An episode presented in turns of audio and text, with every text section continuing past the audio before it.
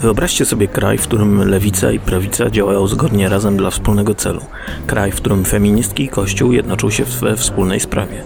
Kraj, w którym fabrykanci występują ramię w ramię z komunistami, a działacze wolnościowych organizacji współdziałają z rasistami. A to wszystko, by całkowicie zakazać alkoholu i zagrać na nosie Niemcom, a na koniec stworzyć społeczeństwo wiecznej szczęśliwości. Co poszło nie tak? Witajcie w Ameryce czasów prohibicji. Cześć, ja nazywam się Przemysław Ziemichut, a to jest Strefa Wolnocłowa, czyli podcast na temat alkoholu i podróży alkoholu, to znaczy podróży w czasie i przestrzeni. Jak e, alkohol przemieszczał się z jednego kontynentu na drugi i jak między wiekami różnie go odbierano i różnie wykorzystywano. A dzisiejszy odcinek poświęcam, tak jak zapowiadałem już przy okazji podcastu na temat ginu, tematowi prohibicji. Chciałbym, abyśmy skupili się na tym, czym e, prohibicja była od takiej strony społeczno-kulturowej. Dlatego pominiemy sobie wszystkie fantastyczne opowieści o e, mafii, jakkolwiek ciekawe, ale można je znaleźć i usłyszeć z tysiąca różnych innych źródeł i zapewne e, wiele z tych źródeł doskonale znacie. Dlatego wyjdziemy od tego, co tak naprawdę prohibicja oznaczała, a oznaczała nie mniej, nie więcej jak zakaz sprzedaży, produkcji, dystrybucji, ale co ważne, nie spożycia alkoholu. Oznacza to, że wprowadzona do Konstytucji USA za sprawą 18 poprawki, ratyfikowanej 16 stycznia 1919 roku, prohibicja zabraniała na terytorium USA produkować, eksportować, importować, handlować alkoholem. Nie zabraniała go jednakowoż pić, natomiast no, siłą rzeczy e, bardzo utrudniała to picie, ponieważ likwidowała wszelkie możliwe źródła, z których można by ten alkohol legalnie pozyskać. Ale zanim dojdziemy do 16 stycznia 1919 roku, a w zasadzie do e, wydarzeń późniejszych, musimy sobie zacząć od odtworzenia tego, czym prohibicja tak naprawdę była, bo ten zakaz nie powstał z niczego, nie powstał w próżni, nie zrodził się z dnia na dzień, a był tak naprawdę procesem. Procesem, który moglibyśmy prześledzić już od końca wieku XVIII i początku wieku XIX. W 1791 roku USA opodatkowuje alkohol, co spotyka się ze znaczącym społecznym oporem. Podatek ten jest potrzebny, by pokryć straty finansowe młodego rodzącego się wtedy państwa, które dopiero co zaczyna się tak naprawdę podnosić po wojnie secesyjnej.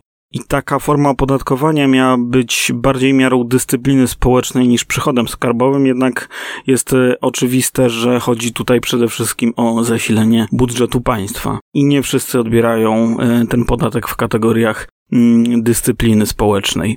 E, trzy lata od jego wprowadzenia w Pensylwanii wybucha słynny Whisky Rebellion, czyli rebelia czy też bunt whisky, który szybko przeradza się w krwawe rozruchy. Pierwsze strzały notabene padają w miejscowości South Park i nie jest to ten South Park, który znamy z kreskówki, Zamieszki, jakie tam miały miejsce, może by były nawet e, całkiem zabawne, bo podczas nich wytarzano m.in. poborcę podatkowego e, w Smole i Pierzach i przeciągnięto go przez całe miasto. Natomiast no już znacznie mniej e, zabawnym było to, że do zdławienia buntu farmerów użyto wtedy wojska, a oddziałom tego wojska, które dokonały pacyfikacji, dowodził sam Jerzy Waszyngton. Więc jak widać, ten podatek musiał być przynajmniej dla Jerzego Waszyngtona, tak naprawdę dla całej administracji rzeczą ważną. A dlaczego był tak ważny? Ważny, bo do 1913 roku Amerykanie nie znali podatku dochodowego o zasięgu ponadstanowym, a dlatego sporą część budżetu stanowiły przychody właśnie innymi z handlu alkoholem. Niemniej e, farmerzy, którzy zamieniali e, zboże na whisky, byli akurat najmniejszym problemem społecznym tamtych czasów, choć no, kiedy się zbuntowali, to faktycznie może i stanowili problem, natomiast e, faktycznym problemem tamtych czasów była ilość i częstotliwość spożywanego alkoholu. W stanie Connecticut były miejsca, gdzie na jeden salon przypadało 11 mieszkańców. Jeden salon na 11 mieszkańców. Wydana w tym stanie lokalna prasa, lokalny Temperance Journal, twierdził, że w stanie tym było więcej salonów niż w Georgii, Alabamie, Mississippi, Karolinie Południowej i na Florydzie razem wziętych. W jednym tylko Connecticut. Kto ile pił? 70 litrów czystego alkoholu rocznie przypadało w szczytowym momencie na głowę mieszkańca USA w tamtym czasie. 70 litrów na głowę mieszkańca. Dla porównania, dziś kraje, w których pije się najwięcej, mają statystyki na poziomie 12, 10, 15 może litrów na głowę mieszkańca. 12-15. Wtedy pito 70 litrów czystego alkoholu. A zakładamy tutaj także, e, że jest to statystyka obejmująca abstynentów, obejmująca ludzi, którzy pili niewiele, więc e, no, to pokazuje, że byli też tacy, którzy rocznie musieli wypijać tego alkoholu znacznie więcej niż tylko 70 litrów. W którymś momencie stało się jasne, że rosnące w siłę organizacje abstynenckie będą e, chciały się temu przeciwstawić. Ale zanim e, dojdziemy do 28 października 1919 roku, gdy Senat przegłosował e, słynną i wspomnianą już ustawę, która dała Amerykanom rok na dostosowanie się do, do nowych wymagań, musimy przedstawić wszystkich e, aktorów tego spektaklu. Po pierwsze, zacznijmy od religijnych i około religijnych ruchów abstynenckich. O powodzeniu wpisania w konstytucję prohibicji zadecydowała determinacja ruchów abstynenckich, które wywodziły się przede wszystkim z kościołów protestanckich. Prohibicję w różnym zakresie popierali baptyści, prezbiterianie, kongregacjoniści czy metodyści. W łonie tych nurtów protestanckich istniały organizacje promujące trzeźwość, które powstały na długo przed wprowadzeniem faktycznej prohibicji w USA. Więc siłą prohibicji były tego typu organizacje, a tu e, na czoło wysuwały się dwie z nich. Po pierwsze Women's Christian Temperance Union, założona w 1874 roku oraz y, założona w 1893 Liga Przeciwko Salunom, czyli ASL. Women's Christian Temperance Union, czyli kobieca Unia na rzecz y, trzeźwości, chrześcijańska Unia na rzecz trzeźwości, posiadała w szczytowym momencie 250 tysięcy członków rozsianych po całych Stanach Zjednoczonych. Założycielką organizacji była charyzmatyczna Annie Turner Wittenmeyer, E, działaczka społeczna, filantropka, aktywistka religijna, no i oczywiście działaczka abstynencka. Później na stanowisku szefowej Unii zastąpiła ją inna, skądinąd e, niezwykle ważna dla tego ruchu postać, to znaczy Frances Willard. Działaczka społeczna, sufrażystka, pisarka i przede wszystkim autorka słynnego hasła Rób wszystko, które używano w odniesieniu do działań Unii. Chodziło o to, aby nie skupiać się jedynie na jednym celu, jakim była abstynencja, ale na szeregu innych e, ważnych z punktu widzenia społecznego działań. Drugą, równie wpływową, jeżeli nie bardziej wpływową organizacją było ASL, czyli Anti-Saloon League, Liga Przeciwko Salunom. E, siłą organizacyjną ASL-u było bezgraniczne oddanie sprawie, o którą walczyli. E, Liga miała tylko jeden postulat i skłonna była poprzeć każdego polityka, który gotów był obiecać, że będzie go realizował. W 1916 roku Liga poprze m.in. sufrażystki w ich dążenia do uzyskania prawa wyborczego, ale sprzymierzał się także m.in. z Ku Klux Klanem. Ten egzotyczny mariaż emancypantek i baptystów miał na celu doprowadzenie prohibicji do końca. Na początku wieku XX ASL zatrudniała przynajmniej 500 etatowych pracowników i posiadała aż 800 biur na terenie całego USA. Jeśli ASL i cała prohibicja miałaby mieć e, jedno wcielenie, jedną twarz, e, która reprezentowałaby wszystko, co ten e, ruch miał do przekazania, byłaby to z pewnością twarz Wayna Bidwilla Willera. Bez niego, jak twierdzi bardzo wiele osób, 18 poprawki prawdopodobnie w ogóle by nie było. Cincinnati Enquirer napisał o nim, że czynił z wielkich ludzi swoje marionetki i tak w rzeczywistości było przynajmniej do pewnego stopnia. Zresztą jeśli wierzyć w to, co pisze o, o tym człowieku Daniel Okręt, to mm, właśnie Wheeler ukuł termin grupa nacisku i to właśnie on budował takie pierwsze grupy nacisku, zajmując się lobbyingiem przez całe dekady. Wśród najbardziej wpływowych osób w ruchu abstynenckim nie brakowało oczywiście też kobiet. Jedną z takich barwnych postaci była z pewnością Carrie Nation, która miała w zwyczaju niszczyć saluny przy akompaniamencie śpiewanych psalmów. Do tego niszczenia używała siekiery, co zresztą było pomysłem jej męża. Potrafiła wejść i w grupie kilku kobiet dość żwawo zdemolować e, siekierą cały taki przybytek. Carnation nie doczekała się, co prawda, prohibicji, bo zmarła e, wiele lat przed jej wprowadzeniem e, w 1911 roku. Susan B. Anthony, późniejsza założycielka National Women's Suffrage Association, zaczęła popierać postulaty sufrażystek i stała się de facto sufrażystką po tym, gdy w 1852 roku nie pozwolono jej przemawiać, e, przemawiać w związku właśnie z postulatami abstynenckimi, ponieważ była kobietą. Oczywiście nie można stawiać znaku równości między organizacjami abstynenckimi a sufrażystkami, e, bo nie wszyscy, łącznie z samymi liderami tych ruchów, popierali dążenia kobiet w walce o ich prawa wyborcze. Niemniej wiele z ówczesnych sufrażystek było też prohibicjonistkami. Wiele z ówczesnych sufrażystek było też osobami e, działającymi w organizacjach religijnych. Sufrażystki to nie jedyna grupa, z którą Anti-Salon League gotowa była się sprzymierzyć, a posiadaniem głosów w wyborach zainteresowani byli też działacze Ku Klux Klan. Dla tej rasistowskiej organizacji niechęć do alkoholu wiązała się wprost z niechęcią do obcych, a przede wszystkim do imigrantów. Włosi, Irlandczycy, Niemcy, a także Żydzi, czy nawet Polacy, nie podzielali e, tego typowego dla protestanckich Amerykanów etosu pracy. Ponadto, a może przede wszystkim lubili oni alkohol, a często byli też zaangażowani w jego produkcję. Schlitz, Anheuser, Miller. Choć nazwiska te zbudowały amerykańskie piwowarstwo, to w pierwszej połowie wieku XX były wybitnie podejrzanymi. Widzimy przykłady takiego myślenia w ustawie o prohibicji na czas wojny. Kongres USA na chwilę przed przegłosowaniem 18 poprawki przegłosował w 1919 roku ustawę, która zabraniała ważenia piwa mocniejszego niż 2,5%, tylko po to, by przynajmniej oficjalnie nie marnować zboża, które potrzebne było na frontach I wojny. Oczywiście nie była to w żadnej mierze ustawa rasistowska, ale z całą pewnością jedna z tych, które na trwale powiązały amerykański patriotyzm y, z antyniemieckością i abstynencją. Oczywiście w tamtych czasach. Szczytowym przejawem tej antyniemieckiej histerii był dokonany w 1918 roku lynch, którego ofiarą padł Robert Prager, Amerykanin niemieckiego pochodzenia.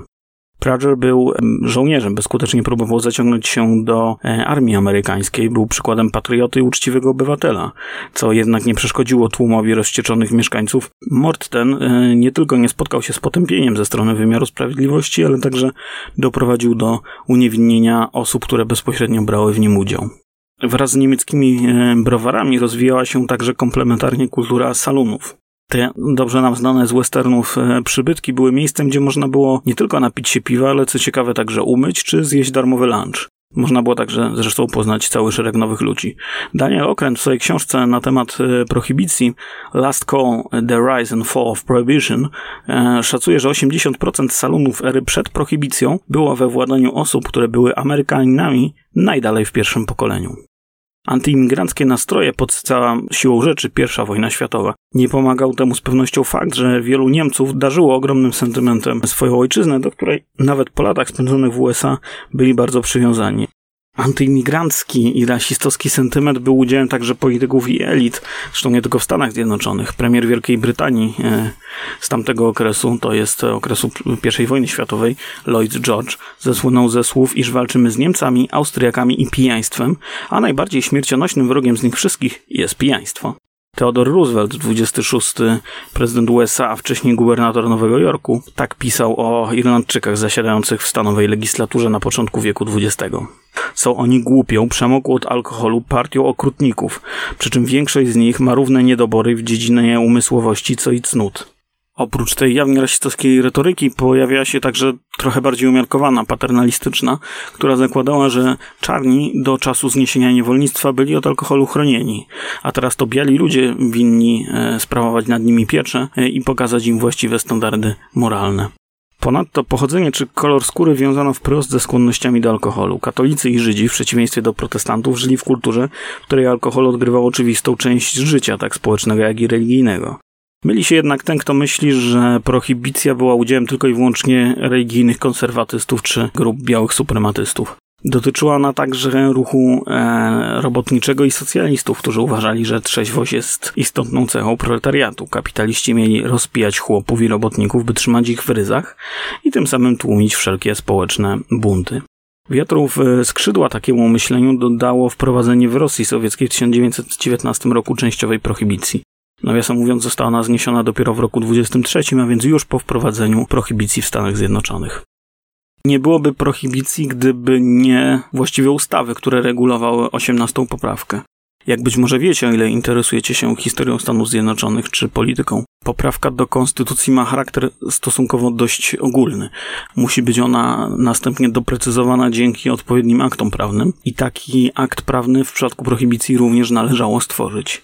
Jednym z najbardziej wpływowych polityków w gronie tych, którzy odpowiadali za legislacyjną stronę tego przedsięwzięcia był John Volstead, człowiek, który nadał prawne ramy prohibicji.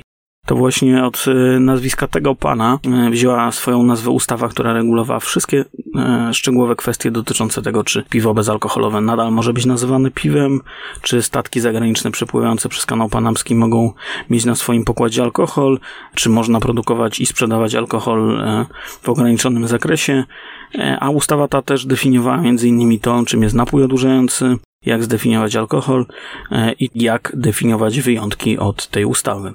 Wyjątki od e, tej ustawy były szczególnie ważne chociażby z uwagi na wino mszalne czy napoje fermentowane, które nie zawierały, e, znaczy które nie były alkoholem, a alkohol zawierały, na przykład kefir, czy z uwagi na alkohol produkowany do potrzeb przemysłowych.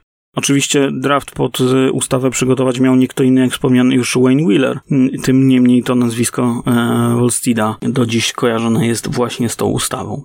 Oczywiście ci, którzy byli przeciwko prohibicji, to nie jedyni aktorzy tego spektaklu, bo po drugiej stronie barykady stali oprócz klientów salonów także destylarnie, browary i biznesy bezpośrednio związane z produkcją oraz sprzedażą alkoholu. I o ile organizacje abstynenckie potrafiły w kluczowych postulatach mówić jednogłośnie, o tyle przeciwnicy prohibicji byli znacznie bardziej podzieleni. Browarnicy argumentowali, że przyczyną wszelkiego zła nie jest alkohol sam w sobie, a alkohole mocne. Zresztą posunęli się oni e, w swojej kuriozalnej retoryce do e, walki na absurdy pokroju kampanii reklamowej, w której matka poi noworodka piwem z ogromnego kufla, a podpis pod zdjęciem głosi Lager's Amber Fluid Mild gives health and strength to wife and child, e, co można przetłumaczyć jako bursztynowy lager, lager w tym wypadku typ piwa, płynny i łagodny, daje zdrowie i siłę matce i dziecku, czy też żonie i dziecku. Tego typu argumentom przeciwstawiano te znacznie bardziej zdroworozsądkowe, mówiące m.in. o tym, że mm, zboże do produkcji alkoholu można by wykorzystać w jakiś lepszy sposób, szczególnie w okresie np. wojny. Nie, nie pomogły oczywiście tłumaczenia mówiące, że przemysł piwny pożera zaledwie 1% całej amerykańskiej produkcji zbóż. No i w końcu stało się. Prohibicja została uchwalona, a wraz z nią powstało Bureau of Prohibition i powstali też agenci prohibicji, mm, potocznie mm, tak nazywani. Ich zadaniem było dbanie o to, aby alkohol nie był wytwarzany i sprzedawany, no i oczywiście to oni zajmowali się konfiskowaniem i niszczeniem znalezionego alkoholu. E, a wraz z biurem do spraw prohibicji e, powstały też sposoby obchodzenia prohibicji. Oczywiście najprostszym sposobem jej obejścia było skorzystanie z luk prawnych, jakie dawała 18 poprawka. Zresztą był to zupełnie legalny sposób. Alkohol można było produkować nie tylko na potrzeby przemysłu, ale też na przykład na potrzeby aptek, więc zaczęto wytwarzać leki oparte najpierw o wyciągi ziołowe, a potem leki, które składały się w zasadzie wyłącznie z whisky. Zresztą cieszyły się one w okresie prohibicji niesłabnącą popularnością i takie leki mógł e, za e, odpowiednią, nierzadką opłatą przepisać nam nasz lekarz. Ponadto podobnie wygląda kwestia chociażby wina. Alkohol mogli posiadać do mm, celów liturgicznych księża katoliccy. E, podobnie zresztą w przypadku Żydów, gdzie alkohol też odgrywa istotną rolę nie tylko w świętach religijnych, więc nie powinna nikogo dziwić nagła rewolucja religijna, jaką przeszli pobożni i niestrojący od wina Amerykanie. Nagle okazało się, e, że znacząco przybyła ilość nie tylko Żydów, ale i rabinów w ogóle, no i przede wszystkim e, księży i osób, które były e, żywo zainteresowane przejściem na wiarę katolicką. Ale nie trzeba było wcale zostawać Żydem czy katolikiem, by legalnie napić się alkoholu. Przepisy dopuszczały m.in. domową produkcję na potrzeby rolnictwa. Można było oczywiście udać się też za granicę, w miejsce, gdzie alkohol był legalny, tam zaopatrzyć się w kilka butelek i liczyć, że nie zostaniemy przyłapani na przywożeniu mm, alkoholu do kraju. Można było równie dobrze wypłynąć na wody eksterytorialne i tam wypić e, ulubioną whisky podczas rejsu, takie booze cruise, jak nazywano e, owe wypady, można było odbyć nawet w ciągu jednego dnia. Wystarczyło jedynie posiadać lub wynająć łódkę, która mogła dopłynąć do zakotwiczonego na wodach eksterytorialnych statku. Otóż jurysdykcja, czy to Straży Przybrzeżnej, czy agentów prohibicji, no kończyła się tam, gdzie kończyło się państwo. Tam, gdzie zaczynały się wody eksterytorialne, tam e, Straż Przybrzeżna nie mogła już e, działać zgodnie z amerykańskim prawem. Oczywiście m, mm, przez lata rozszerzano te granice. E, istniał szereg umów e, między m, mm, Ameryką i innymi krajami na to, żeby jednak e, interweniować na wodach eksterytorialnych. E, zresztą Straż Przybrzeżna często łamała de facto prawo i ścigała tych, którzy byli już na wodach eksterytorialnych, ale nadal przewozili alkohol. Tym niemniej ludzie pokroju Billa McCoya mogli zaopatrzyć nas we wszystko, czego dusza zapragnie, na takim właśnie zakotwiczonym gdzieś na morzu statku. William McCoy zarobił zresztą całkiem pokaźną fortunę, zupełnie e, legalnie handlując alkoholem właśnie w taki sposób. A łódki wypełnione alkoholem pływały na trasie Bahamy, St. Pierre na Martynice i Nowy Jork. Innym ważnym ośrodkiem wypadów Amerykanów e, stała się nieodległa od Florydy Kuba, e, gdzie również można było wypić wszystko, czego miłośnicy koktajli by sobie zażyczyli. Na lądzie spragnionych zaopatrywała m.in. Canada Pure Drug Company, firma założona przez e, Harego Bronfmana i jego brata w kanadyjskim Yorktown. Była to wpływowa żydowska rodzina, która mm, sprowadzała alkohol, doprawiała go do smaku, przykład sokiem ze śliwek, a następnie wysyłała go do USA. Każdego miesiąca przez granice kanadyjsko-amerykańskie przejeżdżało 245 hektolitrów takiego rozrobionego i doprawionego alkoholu. Jak pisze w The Bronfmans, e, The Rise and Fall of House of Seagrams, Nicholas Fate, wszystkie te marki, e, które tworzyli bracia Bronfmanowie, były oczywiście zmyślone, niemniej klienci nie byli szczególnie wybredni i przyjmowali wszystko, co tylko e, miało procenty. Co jego bracia Bronfmans, którzy pewnego dnia, gdy odkryli, że zmieszany przez nich alkohol bursztynowy zrobił się z jakiegoś powodu niebieski, postanowili pozwać firmę produkującą kadzie, w których trzymali swoje trunki. Jednak skoro już jesteśmy przy tej działalności na granicy prawa, to warto wspomnieć o tak zwanych speakeasies, czyli lokalach, które funkcjonowały na zapleczach legalnie funkcjonujących biznesów. Takich speakeasies kwitła przez lata prohibicji kultura barowa, pojawiały się koktajle, pojawiały się drogie alkohole, tyle że ze speakeasies korzystali głównie bogaci. Było więc całe mnóstwo możliwości, w jakie można było obejść e, funkcjonujące przepisy, zarówno w sposób legalny, jak i ten nielegalny. Można było zupełnie legalnie zaopatrzyć się w alkohol za granicą, zaopatrzyć się u naszego rabina, zaopatrzyć się wreszcie u e, lokalnego gangstera, który miał za nic prawo i za nic prohibicję. Więc e, jakie skutki długofalowe przyniosła prohibicja, wypadałoby zapytać, bo została ona zniesiona 5 grudnia 1930 1943 roku, choć właściwie od początku swojego obowiązywania była prawem masowo łamanym tak zwani prohibition agents, o których już krótko wspomniałem, nie mieli dostatecznie dużo środków i zasobów ludzkich do tego, żeby prowadzić skuteczną działalność i skutecznie walczyć, czy to z przestępczością zorganizowaną, czy z drobnymi przemytnikami. W miejsce każdego złapanego przemytnika, tak zwanego ram runner, pojawiało się kilku kolejnych. W miejsce jednej zamkniętej meliny wyrastała kolejna.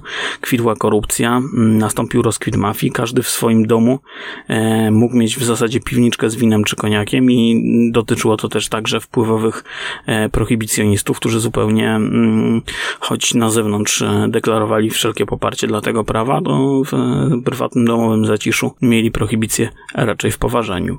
E, jednak nie tylko dobry i drogi alkohol był tym, który był e, kupowany najczęściej, bo jednym z tych skutków prohibicji było to, że Stany Zjednoczone zostały na wiele lat zalane epidemią naprawdę taniego i podłego alkoholu. My mamy ten obraz w głowie e, prohibicji jako takiego czasu panów w garniturach, gangsterów, ale też zabawy elit z wyższych sfer, które gdzieś tam w jakichś spigizis chodzą na imprezy, ale powiedzieć trzeba otwarcie, że dla przeciętnego Amerykanina to był były dobra niedostępne. Przeciętny Amerykanin pił bardzo podłej jakości gin, nazywany bathtub gin, dlatego że e, taki alkohol mieszano niejednokrotnie z różnymi dodatkami w wannie, bo to było jedyne miejsce, gdzie w prywatnym domu można było taką e, ilość trunku rozrobić.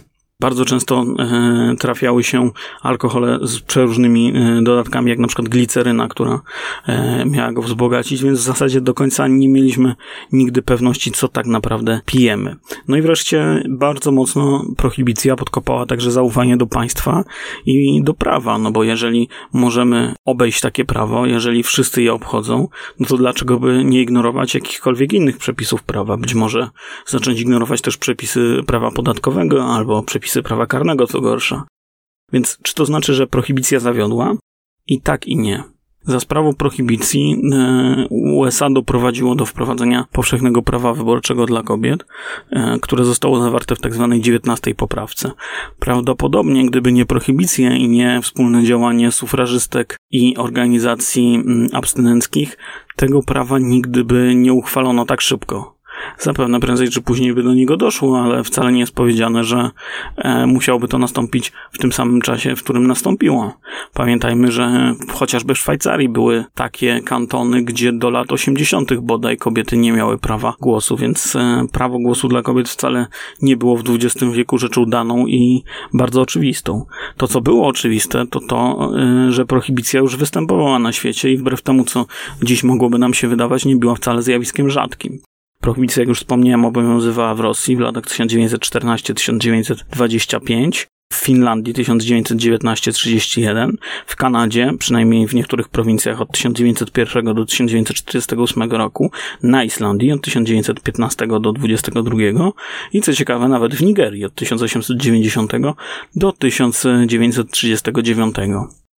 Prohibicja e, dosyć dobrze zdiagnozowała problem, jakim było nadmierne spożycie alkoholu, a co za tym idzie cały szereg innych powiązanych z tym problemów. Przemoc domowa, to, że e, mężczyźni spędzali całe noce i dnie w e, salonach, przepijając niejednokrotnie wypłaty. Prohibicja postawiła trafną diagnozę ale leczenie, jakie przyjęto, już niekoniecznie było leczeniem skutecznym. Oczywiście, że w Stanach Zjednoczonych istniał problem alkoholizmu, oczywiście, że istniał problem przemocy domowej, tym bardziej nasilony, że kobiety nie tylko nie miały prawa wyborczego, ale także no, wielu innych praw wówczas i żyły w zasadzie życiem prywatnym, a więc przemoc domowa, szczególnie ta powodowana alkoholem, e, czy to na kobietach, czy na dzieciach, dokonywana była rzeczą absolutnie w tamtym czasie powszechną. Oczywiście, że nadużywający alkoholu mężczyźni także spędzali całe dnie w salonach i przepijali e, wypłaty nawet pierwszego dnia po ich otrzymaniu. Rzesze ludzi, którzy z małych miejscowości ze wsi przenieśli się do miast, by tam pracować w fabrykach, zostali e, w jednej chwili odcięci od swojego naturalnego środowiska co też w jakimś sensie zadecydowało o tym, że ich hamulce moralne po prostu mogły wreszcie popuścić i mogli sobie pozwolić na to, by ulec tego typu rozrywkom czy pokusom, jak e, po prostu e, w zasadzie codzienne e, picie na umbór. Oczywiście, że e, brak praw wyborczych dla kobiet był problemem. E, oczywiście, że przemoc była problemem i oczywiście, że alkohol powodował cały szereg innych społecznych patologii, od biedy przez e, łamanie prawa, kradzieże tak dalej. Natomiast zastosowane lekarstwo, jakim była prohibicja, no, zawiodło i to zawiodło na całej linii. Miejmy nadzieję, że świat czegoś się nauczył, choć podobno historia lubi się powtarzać, więc nigdy nie wiadomo. Jak na razie e, w obecnym świecie tego typu rozwiązania, to znaczy podobne do tych amerykańskich, stosowane są głównie e, w krajach islamskich obecnie, no i ma to oczywiście związek, zresztą podobnie jak prohibicja w Ameryce, również z religią, tym razem jednak nie z religią chrześcijańską, oczywiście z islamem. Tym niemniej no, zasada działania jest e, dosyć podobna. Natomiast e, no, w e, świecie cywilizacji zachodniej, czy nazwijmy to cywilizacji europejskiej, tego typu rozwiązania już praktycznie nie są widywane i miejmy nadzieję, że nie powrócą, bo to nie jest dobry sposób na to, żeby walczyć z patologiami społecznymi, na pewno nie na tak szeroką skalę. To tyle, co w zasadzie e, chciałem Wam w tym odcinku przekazać. Mam nadzieję, że zainteresowała Was ta historia. Następny odcinek będzie już odcinkiem nieco lżejszym, bo porozmawiamy o czymś zupełnie innym. Porozmawiamy o tym, jak prawidłowo kupować, wybierać wino i podzielę się z Wami kilkoma e, moimi e, trikami pozwalającymi mm, zaoszczędzić trochę pieniędzy i pozwalającymi odnaleźć się w tym dość szerokim e, świecie, świecie win. E, będzie to troszeczkę mniej typowy odcinek, ale mam wrażenie, że potrzebujemy oddechu po, po tych kilku dość e, bogatych w informacje i bogatych historycznie odcinkach podcastu. Zobaczymy. Mam nadzieję, że ten odcinek również Wam się spodoba. Mam nadzieję, że ten Wam się spodobał. Jeżeli tak, zachęcam Was do tego, żeby słuchać mnie regularnie. Podcast znajdziecie na kilku zresztą zresztą platformach. Znajdziecie nas też na foodiesworld.pl foodieswyorld.pl e, i tam też będziemy na Was czekać. Jeżeli macie jakieś uwagi, możecie podzielić się nimi w komentarzach lub napisać do mnie bezpośrednio. Jestem bardzo otwarty na wszelkie Wasze spostrzeżenia, a tymczasem do usłyszenia, trzymajcie się i do następnego razu. Hej!